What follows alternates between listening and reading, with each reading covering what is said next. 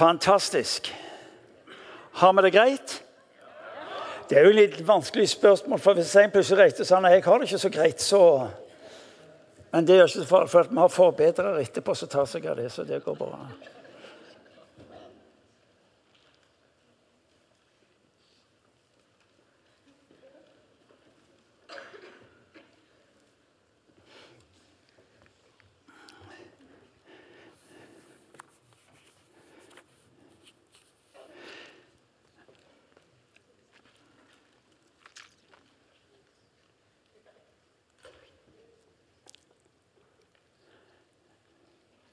Har en påstand.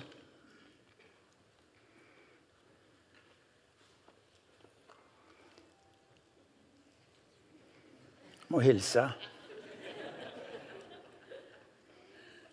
Jeg har en påstand, og det er at hver av dere som er i dette rommet her i kveld, ønsker å se byen vår forandra, landet vårt forandra, til å bli Jesus til følgere. Hvis ikke så tror jeg ikke du hadde vært her. Jo, det er kanskje noen av er her å sjekke opp et eller annet. En eller annen. Og det er helt i orden. Hvorfor i all verden skulle ikke det skje i ei kirke? Har du tenkt på det? Ja, det er et sjekkested. Noen som sier ja, takk Gud for det er trygge og gode sjekkesteder. Ja, men altså Må ikke gjøre det til et problem. Men, men få tak i dette. Min påstand er at du er her fordi du ønsker å se en forandring. Du ønsker å se en forandring i ditt eget liv, du ønsker å se en forandring i denne byen og dette landet, og utover landets grenser. Jeg sier tror ikke du hadde vært her. Det må jo være langt mer spennende ting å gjøre enn å sitte her. Jo, jeg er enig. Lovsangen, den var nydelig. Er du enig? La oss gi dem en skikkelig klapp.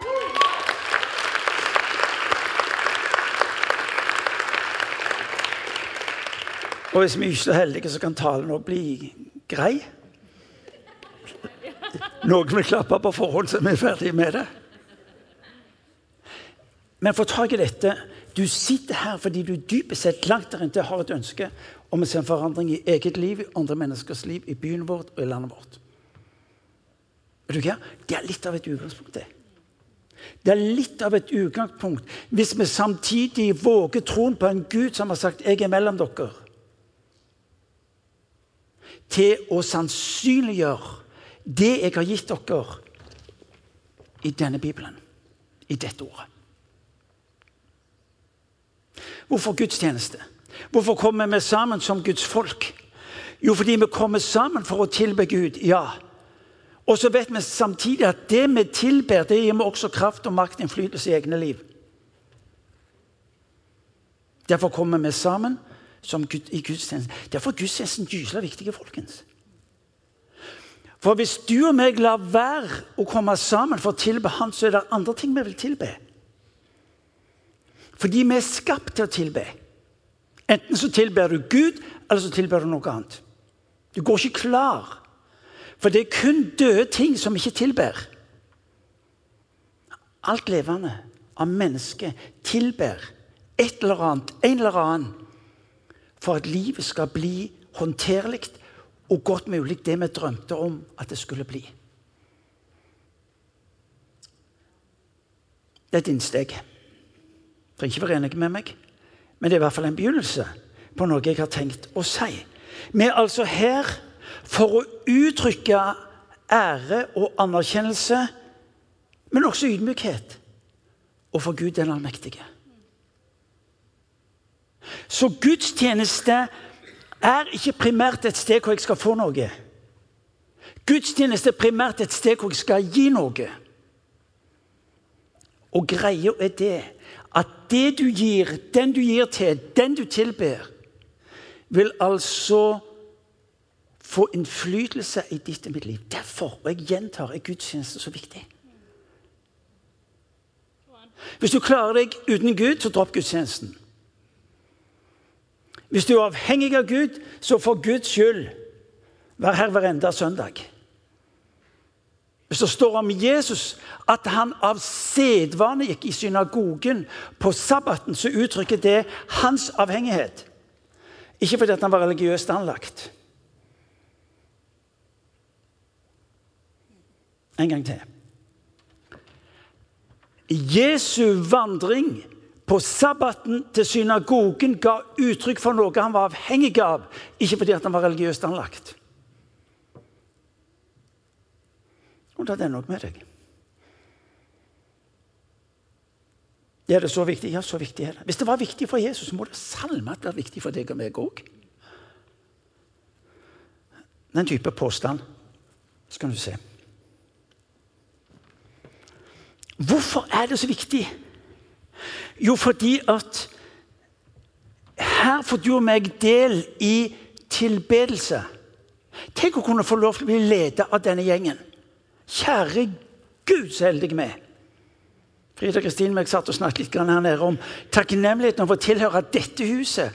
Ja, Dette huset er ikke det beste i verden. Noen vil mene at det ikke er langt ifra. Men, men det er jo fordi vi, vi vet bedre. Vi har ingen å sammenligne med. Vi tror det er sånn. Men tenk å ha den gjengen der som er opptatt med å tilbe Gud på en slik måte at du får hjelp til å gjøre det samme.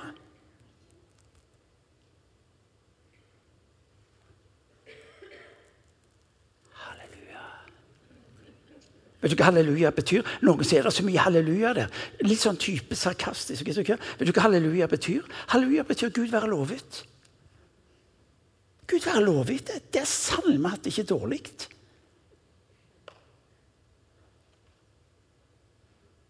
Så den gjengen der, den De har øvd for at du skal få hjelp til maksimalt til å tilbe Gud. Så skulle jeg gi deg en skikkelig klapp. jeg.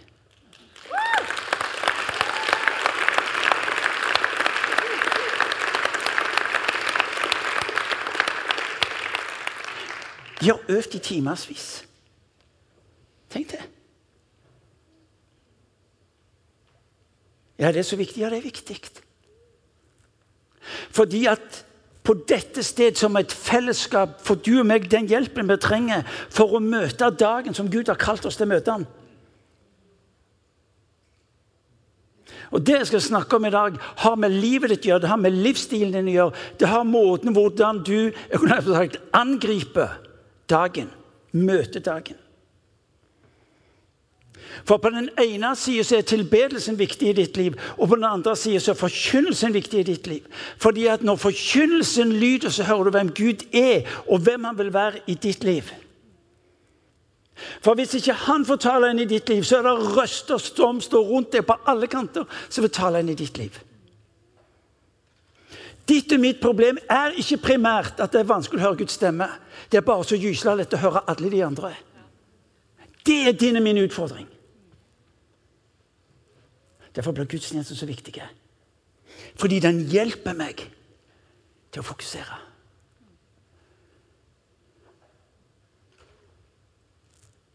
Halleluja. Halleluja. Du skal ikke overdrive. Men det er ikke sikkert det er så farlig.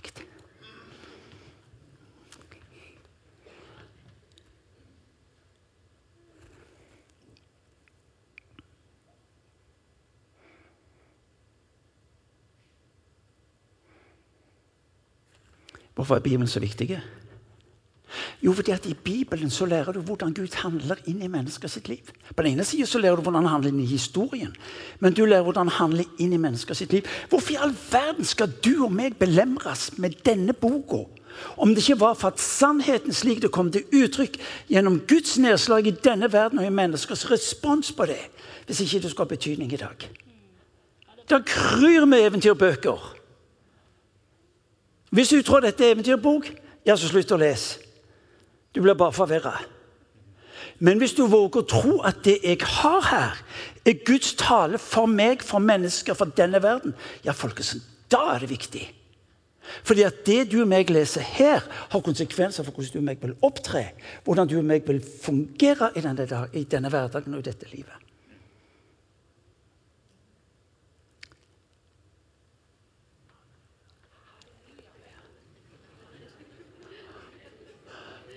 Du, tenk, tenk å ha Guds ord. Er du klar over det? Vi har folk fra denne menigheten som er langt vekke, og som driver på å oversette Bibelen. Fordi at stadig nye folkeslag skal få Guds ord på sitt eget språk, så de kan forstå det, leve i det og anvende det i sin hverdag.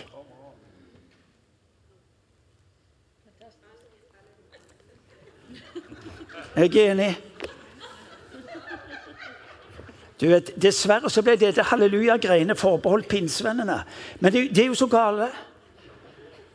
Vi lutheranere vi skulle ha sagt halleluja, og så hadde du hatt koret med en gang. Første stemme, andre stemme. Ja.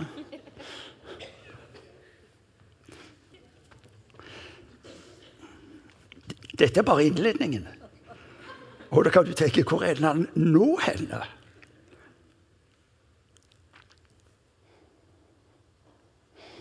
Vi skal lære fra to historier i Bibelen. Begge er fra Gammeltestamentet. Eh, begge forteller om en Gud som griper inn, og menneskers respons. Og så har min bønn vært at du og meg skal lære noe av det på en slik en måte at vi har konsekvenser og forvandling for våre liv. Vi skal lære av israelsfolket.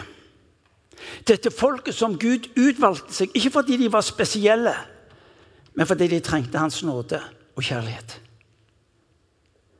Vi skal lære hvordan dette folket fikk talt over sitt liv at de var velsigna for å være til velsignelse.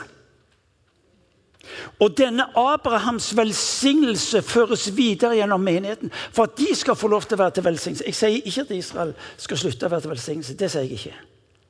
Men vi ser at det er et løp hvor Gud taler velsignelse over sitt folk for at det skal bli til velsignelse for våre omgivelser. Hvis jeg spør deg har du et ønske om at ditt liv skal være til velsignelse, så jeg, jeg er overbevist om at du vil si ja, det vil jeg. Kjære Gud, tenk å kunne få lov til å stå opp og få lov til å si Gud, la mitt liv være til velsignelse. Og så vet jeg at det skjedde. Alle dere ønsker det. Dere ønsker at livet deres skal ha betydning, at det skal være til velsignelse. Det var det løftet som lød over Israels folke. Gud hadde et mål for sitt folk, en hensikt som alt på denne kloden. Velsigna for å velsigne. Og så lyder det inn i dette folket jeg vil gi dere et hjemland, et såkalt løfteslandet. Det lovede land. Et sted hvorifra resten av verden skulle velsignes. Dette løftet ble gjentatt gang etter gang. Folket skulle ikke glemme det. Og så er folk, og så går vi inn i teksten i 4. Mosebok, kapittel 13 og 14. Og så går vi inn i teksten, og så står folket der, og så ser de inn i det landet som, som Gud, som Javé gjennom generasjoner har minnet dem på. Hvor han har tatt gjennom ulike faser av livet for at de en dag skal stå ved grensen og så skal de se inn i det landet Gud har for dem. For en opplevelse. Tenk på folket der de står og ser en Nå er vi der. Dette var det Abraham drømte om, dette var det Isak drømte om, dette var det Jakob drømte om. Når vi får lov til å erfare det. Og Så sender de tolv speidere inn, høvdinger inn, ledere inn.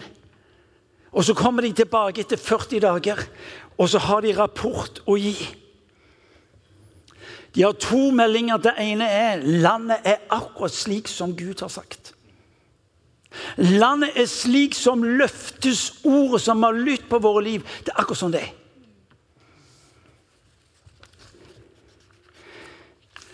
Men det er et annet budskap, det budskapet det er Men det er umulig å innta. Hør. Det vanskeligste ordet for deg og meg som en Jesus til følger, det er ordet 'menn'. Fordi vi bekjenner og vi beskriver løftesordet. Men det er noe av denne her type forbannelsen som hviler over oss av at vi er eksperter på ordet menn. Men det går ikke med oss. Eller vi er ikke i stand til det. Eller menn. Og så blir ordet 'menn' det som visker ut Guds løfter. Og så våger vi ikke gå inn i det. Hver gang du siterer Guds løfter og avslutter med et 'men', så står det i fare for å viske ut det Gud har sagt.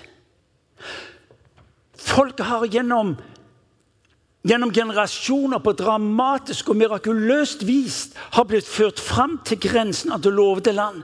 Og det er slik som Gud har sagt og beskrevet at det skal være renne over av alt det som er av det gode livet.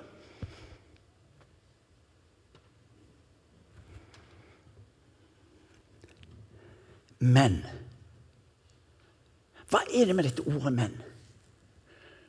Som fanger oss, som låser oss, og som på et vis plasserer oss i denne hjelpeløse situasjonen at det Gud har for oss, går oss forbi.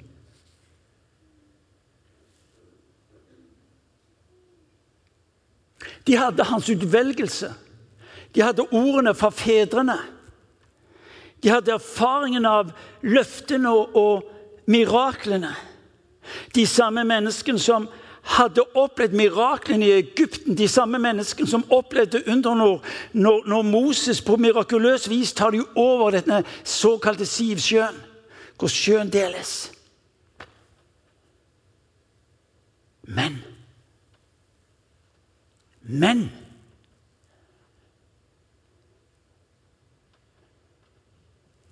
Hva er det som skjer? Vet du hva? Det, det er så enkelt og allikevel så nifst. For det som skjer, de har flytta blikket fra Han som er deres Gud, som har sagt 'jeg går foran dere', til å se på omstendighetene. Ordet 'menn' i vår kontekst har alltid med at du har flytta blikket fra Han som har sagt 'jeg vil la mitt nerve gå foran deg', til at du lar def eh, omstendigheten definere hva som er mulig. Men Er du med meg?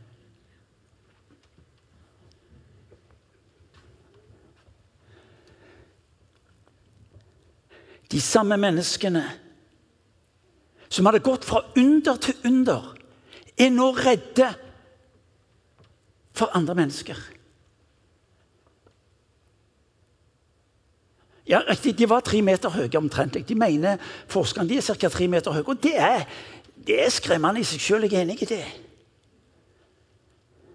Men tre meter høye mennesker sammenlignet med allmaktens gud det må allikevel bli piece of cake. Er du med meg? Noen av dere nikker. Dere andre vet sikkert ikke hva jeg snakker om. Hvordan var det mulig å flytte fokuset? Gå ifra en erfaring med Gud som sier 'Moses, del denne sjøen'. Der skjedde det. Farao, let my people go. Og ikke prøv å stoppe dem. Og jeg vil demonstrere. Og israelsfolket fikk se hvem Gud var når han var i action. For så å være i et land hvor de møter noen mennesker som er 75 Det er 100 cm høye, de selv, og så mister de mot. Hva er det som skjer? Jo, de har flytta blikket fra allmaktens Gud til det menneskelige. Det var ikke synd. Det var ikke dette at det var svakhet. Det var ikke dette at det var noe som var skjedd De flytta bare blikket. De flytta bare blikket.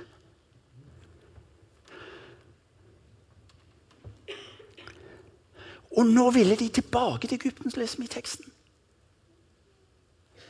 Kapittel 14 står det vi vil tilbake igjen. Vi vil tilbake til slaveri, vi vil tilbake til Egypten. Og la oss ta livet av Moses. En går ganske langt.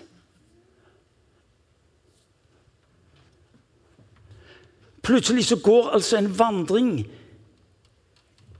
i fellesskap med den allmektige går over til å bli fryktbasert pga. mennesker som er litt høyere enn de sjøl. Og så vokser det fram en erkjennelse av gresshoppekompleks. Vi er som gresshopper, sier de. Og det syntes de òg.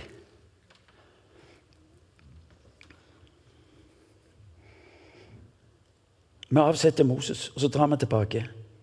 Men det var to stykker som tenkte annerledes. Joshua og Caleb.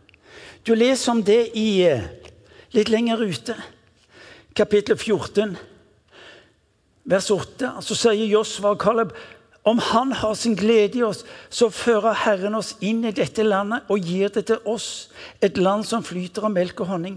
Gjør bare ikke opprør mot Herren. Dere skal ikke være redde for folk i landet. De er bare en brødbit. De som var styrt av frykt, omtalte seg som gresshopper. De som var styrt av, av tro, omtalte problemene som brødbiter. Hva var forskjellen? Forskjellen var fokuset de hadde for sitt liv. Forskjellen var hvem er det jeg forankrer blikket mitt, tryggheten min, forventningen min til. Det var forskjellen. Hadde ikke mer tro. Var ikke frommere. Var ikke bedre. De sleit nok sikkert med livet, de òg. Men de hadde så flytta blikket ifra omstendighetene til han som har han godvilje, har han nåde, har han vennlighet for oss, så er ikke dette et problem. Løft blikket. De så det samme, Josfa og Caleb, som de andre ti. Men konklusjonen var annerledes. For de definerte ikke muligheten ut ifra omstendighetene, men ut ifra hvem de hadde fokus på, nemlig Jesus. Og Det er interessant, altså. Hva vil det si å være en Jesus-etterfølger? Det har fokus, det. Vi har gjort det så krevende. Alt det vi ikke skal gjøre. Han sier bare én ting. Han, følg meg. Du leser om det i Markus. Han sier, følg meg. Ja, hvis du skal følge etter en, så må du jo se på han. Det er det eneste han sier. Alt det andre er sånn Ja, men det går av seg sjøl, det. Følg meg. Hva betyr det? Ha meg som fokus. Israelsfolket hadde mista fokus. Hør nå. Det er ei gyselig alvorlig side ved dette. For nå mister folket alt det Gud har for dem. Det, det er alvoret. Gud hadde Gud hadde forberedt dem over tid hva han hadde for dem. Men i det øyeblikket de velger å flytte fokuset fra Gud den allmektige til mennesker og problemer, så mister de det de har.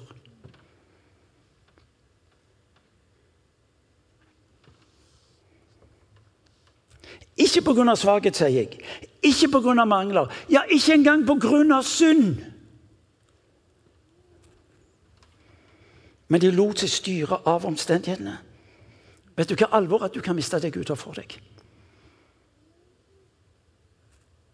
Det er sant. Du kan miste det Gud har for deg. Få tak i dette. Ditt og mitt hovedproblem er ikke det som er rundt oss. Men at du og meg finner vår trygghet i det ytre og stopper opp og fokuserer på ham, det er vår hovedutfordring.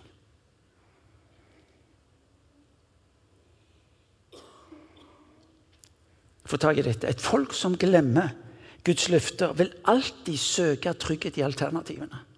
Det er gyselig godt sagt. Et folk som glemmer Guds løfter, vil alltid søke trygghet i alternativene og satse på omstendigheten. Vi må gjøre det beste ut av det. Jeg møtte en prest for noen år siden som sa til meg Martin, livet har vært krevende. Nå er jeg bare opptatt med å fullføre. Nei, folkens. Vi er ikke kalt til å fullføre et eller annet løp. Vi er fullkalt til å fullføre det som Guds hensikt med livet vårt. Derfor blir Bibelen så viktig. Derfor er det også viktig at troen vår forankres i Guds relasjoner. Det var dette det var jo dette Josef og Caleb hadde. Hør nå. Han som har godvilje for oss. Han som har lært å kjenne. Han som har erfaring med Han snur ikke ryggen til oss. Guds relasjonen. Men de mista det de hadde. Folkens, du kan miste det Gud har som plan for ditt liv. 40 år seinere er de på samme plass. Hva, hva lærer vi her? Vi lærer at en Gud trekker ikke tilbake sitt løfte for sitt folk. Men 40 år vandra de rundt i ørkenen uten å nærme seg det lovede land med en meter. Men 40 år etterpå så står de der igjen. Og det har skjedd noe med dette folket. Det har skjedd noe med, med, under denne vandringen som har tatt dem til et annet sted. Problemet har ikke blitt mindre. Før var det menn som var tre meter høye. Nå er det Nå var det en landsby med murer som var gigantiske, murene du ser her på bildet, er, forsøkt gjengitt slik arkeologene mener det må ha sett ut på den tiden. Nå er det Jeriko en storby. Nå sender han ikke inn speidere, men han sier 'slik skal dere gjøre'. Det første som slår meg nå, i den nye situasjonen med folket, det er at det er et lydig folk. Det er et lydig folk. Vet du hva? Gud er ikke så opptatt med din tro, men han er opptatt med din lydighet. Forskjellen på det du og meg får se Gud handle inn i denne verden, er ikke primært basert på det du og meg kaller for tro, men på lydighet. Tro inn i en vestlig kultur er veldig ofte intellektuelt forankra. Jo, jeg tror, jeg har ordna det, jeg har møblert slik at jeg har oversikten på hva det vil si å tro. Ja, Det er en vestlig tilnærming. Inn i en jødisk kontekst så er ikke tro primært knytta til huet, men det er knytta til beina. Til etterfølgelse. Det blir en del av, det blir med på. Derfor lød det fra Jesus følg meg. Tro er etterfølgelse. Noen sier men jeg tror ikke på ja, men Ikke gjør nå det til et problem, da, sier jeg. Kan du ikke bare fylle den? Altså, Vi har gjort tro til et spørsmål om intellektuell kapasitet med tanke på å kunne forstå. Mens Bibelen er ikke opptatt med din intellektuelle kapasitet. Den, er, den sier 'følg meg'. Folk hadde lært å være lydige. De hadde lært å være lydige. Og midt i den situasjonen som du meg leser nå om litt lenger ute i det som kalles for Josva-boka, så leser vi altså at Josva holder på å forberede folket sitt til å skulle bevege seg inn i det lovede land. Og Det er uhyre interessant. For mens de er der i sin forberedelse, og, og, og de skal altså bevege seg over Jordan, så opplever plutselig Josva noe høyst underfundig. For plutselig står det en mann foran ham. Han skjønner det er en kriger. Og Så stiller han spørsmålet er du med oss eller er du med de. Hvorfor det spørsmålet kommer opp, vet jeg ikke. Men det er som om denne mannen som står foran Josfa, sier at dette er helt uinteressant. Jeg er ikke med deg eller med de, men du er med meg. Guds kall til deg og meg er å være med på det han holder på med, ikke motsatt. Guds kall til deg og meg er ikke primært at han skal velsigne det du holder på med, men at du skal bli en del av den velsignelsen han har for de folka som som omgir deg. To forskjellige ting, det. To forskjellige ting. Ta av deg skoene, for du, du står på hellig grunn. Dette må du få tak i. For Den gangen så var helligheten den var lokalisert til steder. Tempelet. Der Guds ånd gjennom profetene og kongene handla. For oss som er Jesus' etterfølgere, så lyder det vet du hva, du skal slippe å ta av deg skoene. Fordi at du er på hellig grunn hvor enn du beveger deg i denne verden. Fordi at jeg går foran deg. Løftet til Israels folke var at jeg vil la mitt nærvær gå foran deg. Ja, Det betyr at hvis han går foran meg, at da er det hellig grunn. Det betyr at der hvor du er i din hverdag, der er han. Det betyr at når du er på jobben, på skolen, i nabolaget, hvor det måtte være, så er det som av deg skoene, for du er på hellig grunn. Det hadde vært kult hvis kristenfolk i Stavanger ble kjent for det var de som gikk rundt på sokkelhesten. Bare for å bli bildet. Det var vært kult. Kan ikke, kan ikke finne kan ikke få denne byen til å si et eller annet om oss? Eh, ikke primært hva vi er imot. Er det er de som går på sokkene. Nei, ja.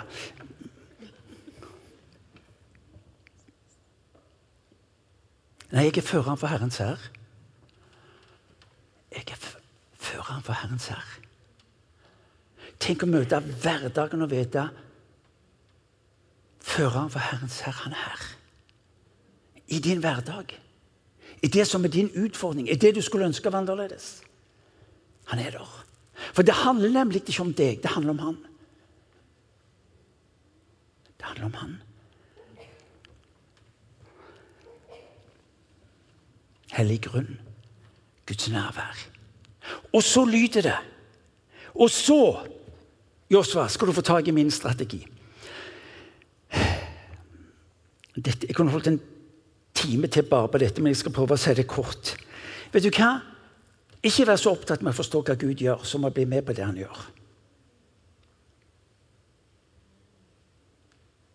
Ikke vær så opptatt med å prøve å forstå hva han gjør, som å bli med på det han gjør.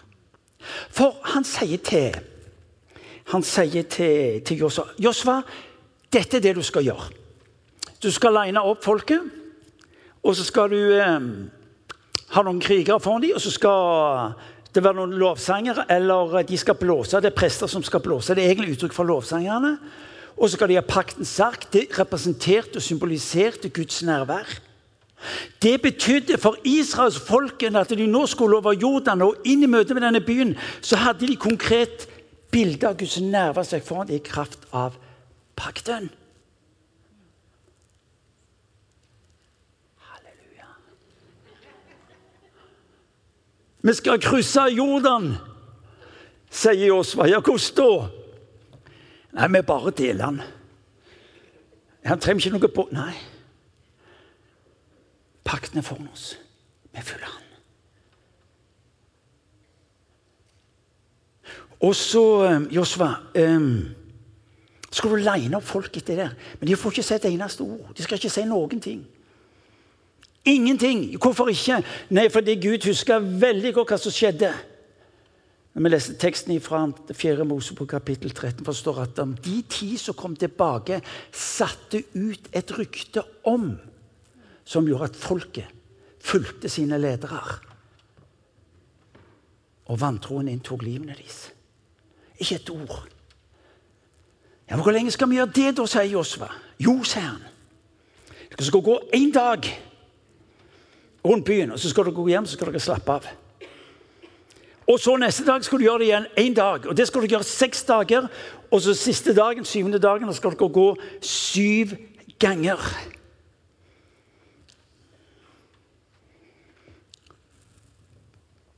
Ja, og så Ja, og så har vi løst det så har vi løst det. Dette er Guds strategi. Hør nå, Når du og meg leser Bibelen, så leser vi at Gud han forbeholder seg retten til å gjøre det som passer han, og ikke hva som passer deg. Du ser det igjen og igjen. Når vi sier at vi ikke tro for at det kan være Gud vet du hva? Slutt med dette uttrykket med at jeg ikke tro for at dette ikke er Gud. Altså, Hvis du og meg ønsker å ha et forlik, så må vi få tak i hvem han er reelt sett. Ja, Han var god, vennlig, snill og alt det der. Ja, var han det? Alltid? Nei, han var jo ikke det. Når han bøyer seg ned, spytter i bakken og lager en deig av uh, sorpe som dette på Stavanger, og gnir i øynene på han som er blind, så sagt at der var det ikke mye følsomhet. Han burde hatt et kurs i empati. Hva?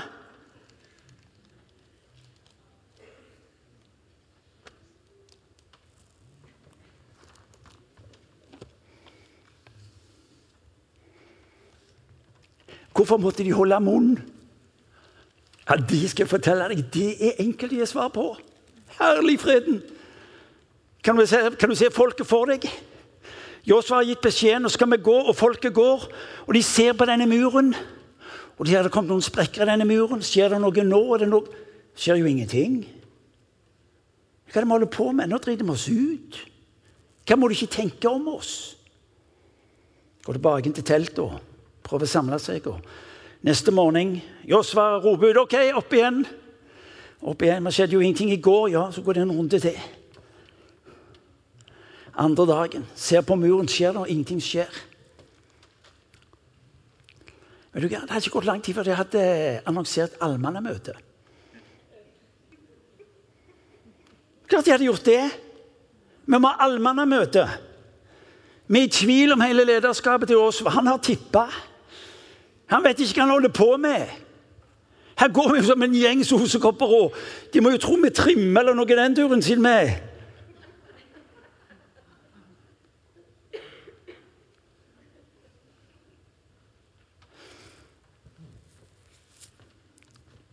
Det kalles for pedagogikk. Hør nå. Poenget er ikke antall dager. Poenget er å våge å være nær nok det Gud har bedt deg å være nær nok lenge nok til han får gjøre sin gjerning i det. Én dag eller syv dager eller 50 dager. Når, når, Bibelen bruker begrepet mange, mange dager, mange mennesker, så er det uttrykk for noe som, sagt, som er kontinuerlig. Din holdning er ikke primært å se hva tid muren ryker.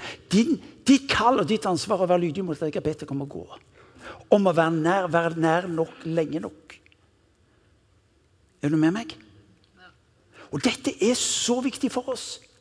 For så ofte som Jeg har bedt for det i 14 dager, eller jeg møter mennesker som jeg har bedt for det i tre år, og det skjer ingenting. Jeg har gitt opp. Dere så bildet av Adrian. Han blir momentant helbredet når han er tolv. Hvorfor skjedde det ikke før? I don't know. Og Jeg vet ikke hvorfor Gud handler som han gjør, men det er ikke mitt ansvar. Mitt ansvar er å være lydig på det han kaller meg til å gjøre. Og Jeg spurte Mariann eh, og Thomas, fortell meg, hvorfor svarte ikke Gud for det? Vi vet ikke. Men vi gjorde én ting. Det var at Vi lufta Adrian opp og sa Gud, takk fordi du elsker ham. Takk fordi du vil gjøre din gjerning i hans liv. Og så fikk de se under og se. Få tak i dette, for jeg tror det er så viktig. Gud vil gjøre tingene på sin måte, og du og vi skal få lov til å være med på det. Det er også en annen interessant eh, eh, del av teksten her. Det står at når de har sendt eh, speidere inn, så møter de Rahab, prostituert. Bad. Very bad. Ja. Men det er interessant at Rahab blir en nøkkel i den jobben som Gud skal gjøre i Jeriko ved sitt folk. Når du og meg er opptatt med å ha de rette menneskene rundt oss, når du og meg sier vi har ikke folk rundt oss, så er det godt mulig han fører en prostituert i livet ditt. Det er mulig han fører en kjeltring i livet ditt. Ikke vær så opptatt med hvem han fører inn i livet ditt, som å ta imot de han fører inn i livet ditt. Det er to forskjellige ting. To forskjellige ting. Gud, hva gjør du her nå? Og så er det ditt og mitt kall til å omfavne. Romerbrevet kapittel 12, vers 1, så står det 'Embrace what God is giving you'. Du har hørt meg si det hundrevis av ganger. Ja, men Det er fordi det er så viktig, for det er en nøkkel for oss. Embrace what God is giving you. That's the best thing you can do for him.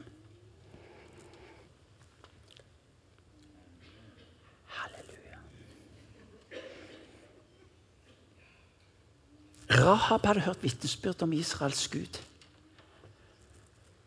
Og det er et vitnesbyrd om Israels Gud. Og tro var skapt i hennes hjerte til å være med på det han holdt på med. Du kan ta er mennesker der ute som lengter etter å få en tro på en Gud som de ikke vet ennå om finnes. Og det skjer ved at de hører om hans gjerninger. Det var Rahabs ord til, til disse speiderne. Vi har hørt om guden deres. Vi har hørt om guden deres.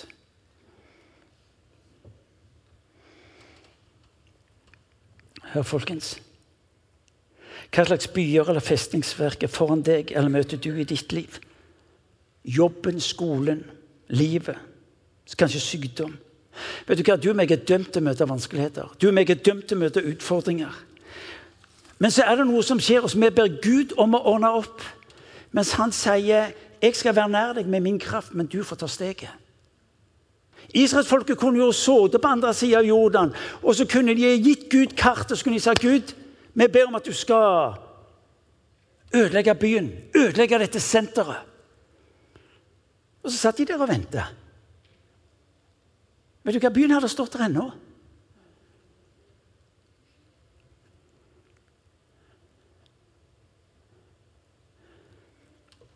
Hva er det vi lærer av denne andre gangen Israelsfolket beveger seg inn i det lovede land? Det at de forholder seg til Guds ord, til løftene. De sier de fram. Når du og meg ser murene som er enten i oss eller rundt oss, hva er det vi sier for noe? Ja, Gud er god, men dette er umulig. Gud er god, men denne arbeidsplassen er en umulig plass. Gud er god, men denne sykdommen kan vi bare gi opp. Og så, og så bekjenner vi på den ene sida troen og praktiserer på andre området ateismen. Som Gud ikke kan.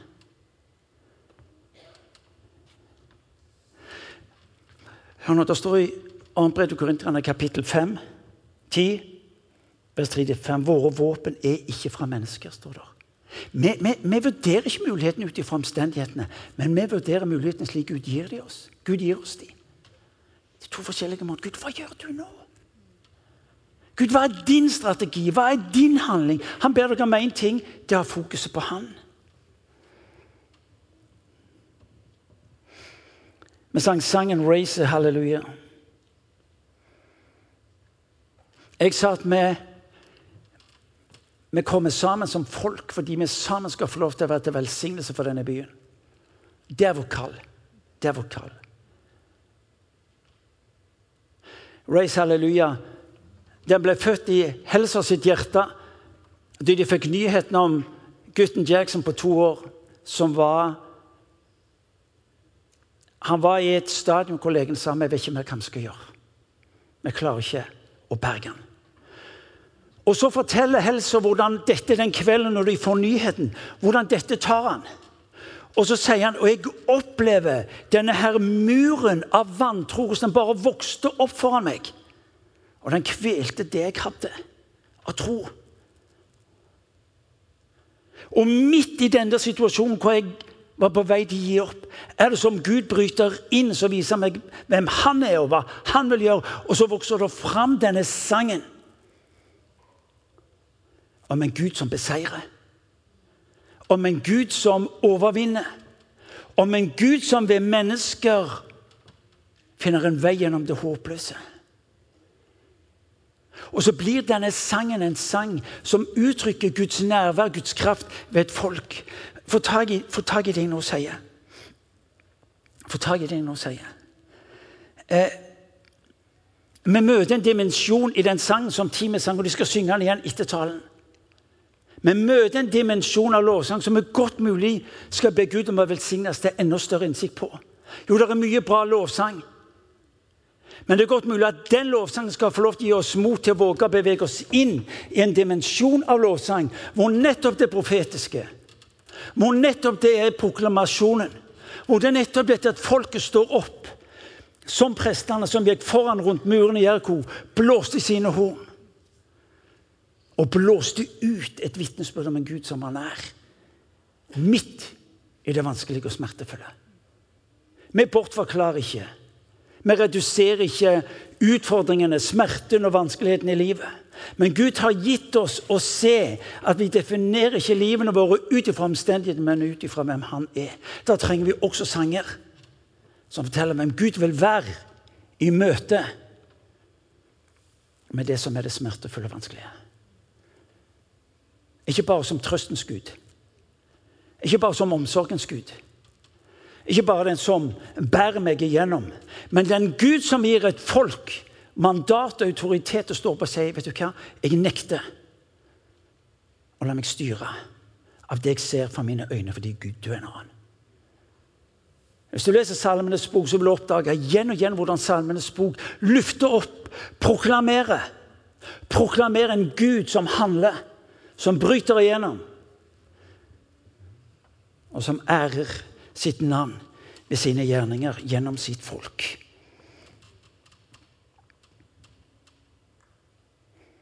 Poenget er ikke at du skal gå rundt en eller annen by, et eller annet forhold.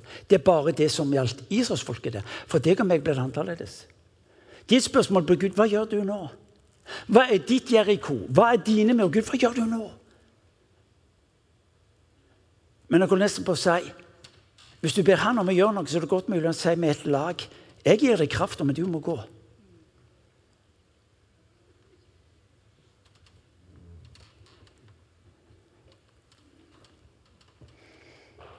Mot alle odds. Hvorfor? For å lære om Guds utgangspunkt. Hvorfor ble Jeriko så viktig? Jo, fordi Jeriko var døra inn til det lovede land. Når du og meg velger å trekke oss tilbake, når Gud tar oss inn i det han har for oss, så står vi i fare for å tape neste kamp. Det er alvoret.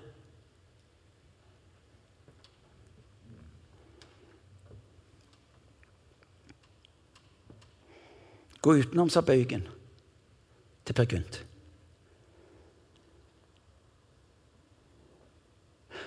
Jeg skal begynne å slutte. Det viktigste i ditt og mitt liv er ikke hva vi har, men hva du mottar.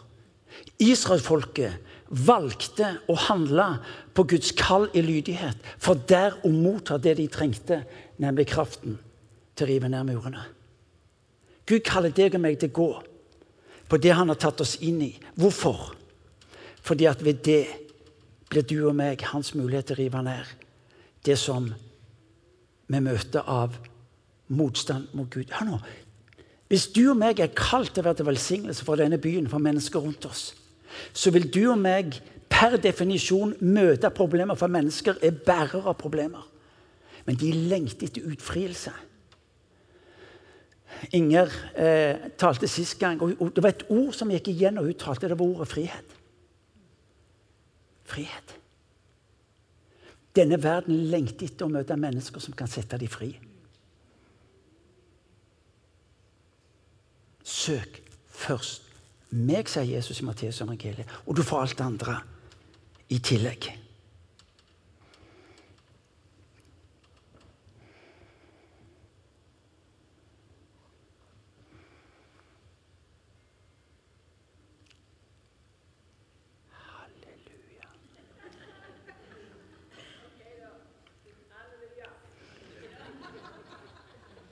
Endelig så kommer Mandag, vil si i morgen, vil de fleste av oss møte noe. Og Min bønn er og har vært i dag om at du skal ta med deg vitnesbyrdet fra israelsfolket og våge å leve det ut slik at omgivelsene erfarer at Gud er god. La oss reise oss og la oss be.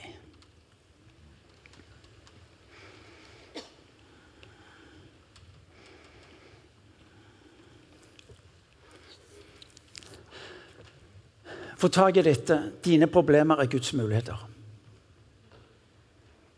Der du er stuck, sier Gud 'no problem'.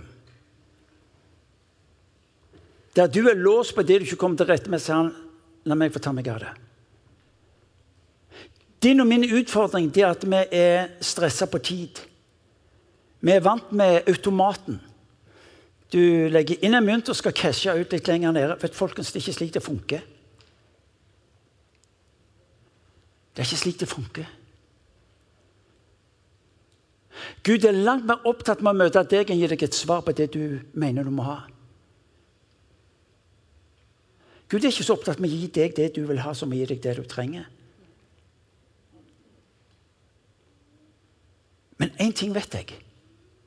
At vi som er her inne, vi forandrer arbeidsplasser, skoler, nabolag og familier. Hvis vi vil våge å være i denne vandringen som vi har i kveld, har møtt gjennom israelsfolket. Fordi vårt fokus er ikke omstendighetene med sine begrensninger, men han som har sagt 'for meg er alt mulig'. Dine problemer, det er Guds muligheter. Overveldes du? Er livet så krevende at du tenker jeg, jeg gir opp, jeg orker ikke'?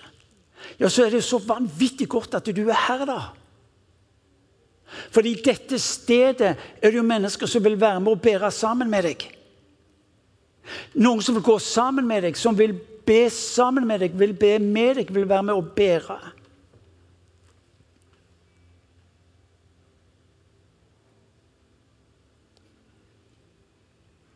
Denne verden er ikke så fryktelig opptatt med vår tro. Som å møte vitnesbyrdet om mennesker som vågte Gud i sitt liv. Det har med hverdagslivet å gjøre, folkens. Det er en livsstil. Og jeg tror at denne mandagen som ligger foran oss alle, den kan bli dramatisk endra. Rett og slett ved at du våger Gud. Du ser Jeriko i mitt liv. Du ser festninger i mitt liv. Gud, hva, hva gjør du? Og så våger du det steget fram fordi at du visste at han har sagt 'Jeg vil la mitt nærvær gå foran deg'. Raise halleluja. Om du er her inne som kjenner ut hva det der er meg, kan jeg, kan jeg be deg om å legge hånda di på hjertet ditt. Hjertet er symbol. Det er et fysisk verktøy for alt i verden, men det er også symbol for det som beveger deg som menneske.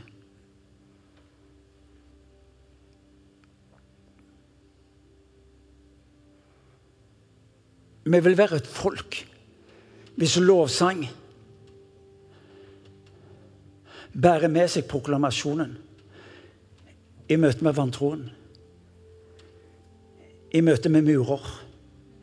I møte med det fastlåste. Hvor ropet vårt Hvor ropet vårt er av en slik en karakter at det river ned murene. Jeg tror det er et profetisk budskap når du leser om at de skal rope når Josfa gir beskjed. Jeg tror det er proklamasjonen. Så kommer det Guds folk om å proklamere mitt navn. Om du kjenner vet du hva, jeg, jeg, jeg trenger dette i mitt liv. Jeg trenger til å se, jeg trenger til å handle, slik jeg tror Gud, du kaller meg inn til å handle, se og handle. Så la oss be. Herre Jesus Kristus, jeg takker deg fordi du er mellom oss som den som elsker, som ikke gir opp, men som er ekspert på å begynne på nytt. Hva du kjenner våre liv. Hva du, du har sett de mange gangene vi var, vi var som israelsfolk og flytta blikket fra deg til omstendighetene og mista mot og ga opp. Men Herre, nå, nå møter du oss igjen i kveld. Og du møter oss, Herre, med ord om at eh, Se, jeg gjør noe nytt. For så ofte så begravde vi oss ned i det vanskelige, umulige, det fastlåste, det der ikke var noe håp på. Far, vi ber i kveld om å få lov til å bli med på det du gjør. Uansett hvordan det så ut. Og far, vi ønsker å være et folk som bekjenner ved våre liv, men også med måten vi synger på, far. Et race halleluja. Gud være lovet. I møte med det umulige, i møte med det vanskelige, Herre, så er det et Gud være lovet. For du bærer igjennom. Et Gud være lovet fordi at du har veien igjennom. Et Gud være lovet fordi at murene revner, den rives ned. At uansett hva vi sliter med, Herre, så lyder det et Gud være lovet. Fordi du er langt større enn våre problemer, våre utfordringer og det som skulle vært annerledes. Hjelp oss, far, til å våge vandringen. Hjelp oss, Gud, til å være et folk som er trofast mot det du tar oss inn i. Både som folk og som enkeltmennesker. For vi ønsker ikke å leve et liv som annerledes det du hadde tenkt for våre liv. For vi ønsker ikke å tenke andre tanker om våre liv enn det du har tenkt for våre liv. Derfor ber vi, far, i kveld om at du skal virkeliggjøre. Og at vi våger å la du bli vårt fokus for å fullføre Gud det du har for våre liv. For vi ber i ditt navn, om vi bekjenner. Far, vi tilber deg når vi nå synger igjen Race. Halleluja.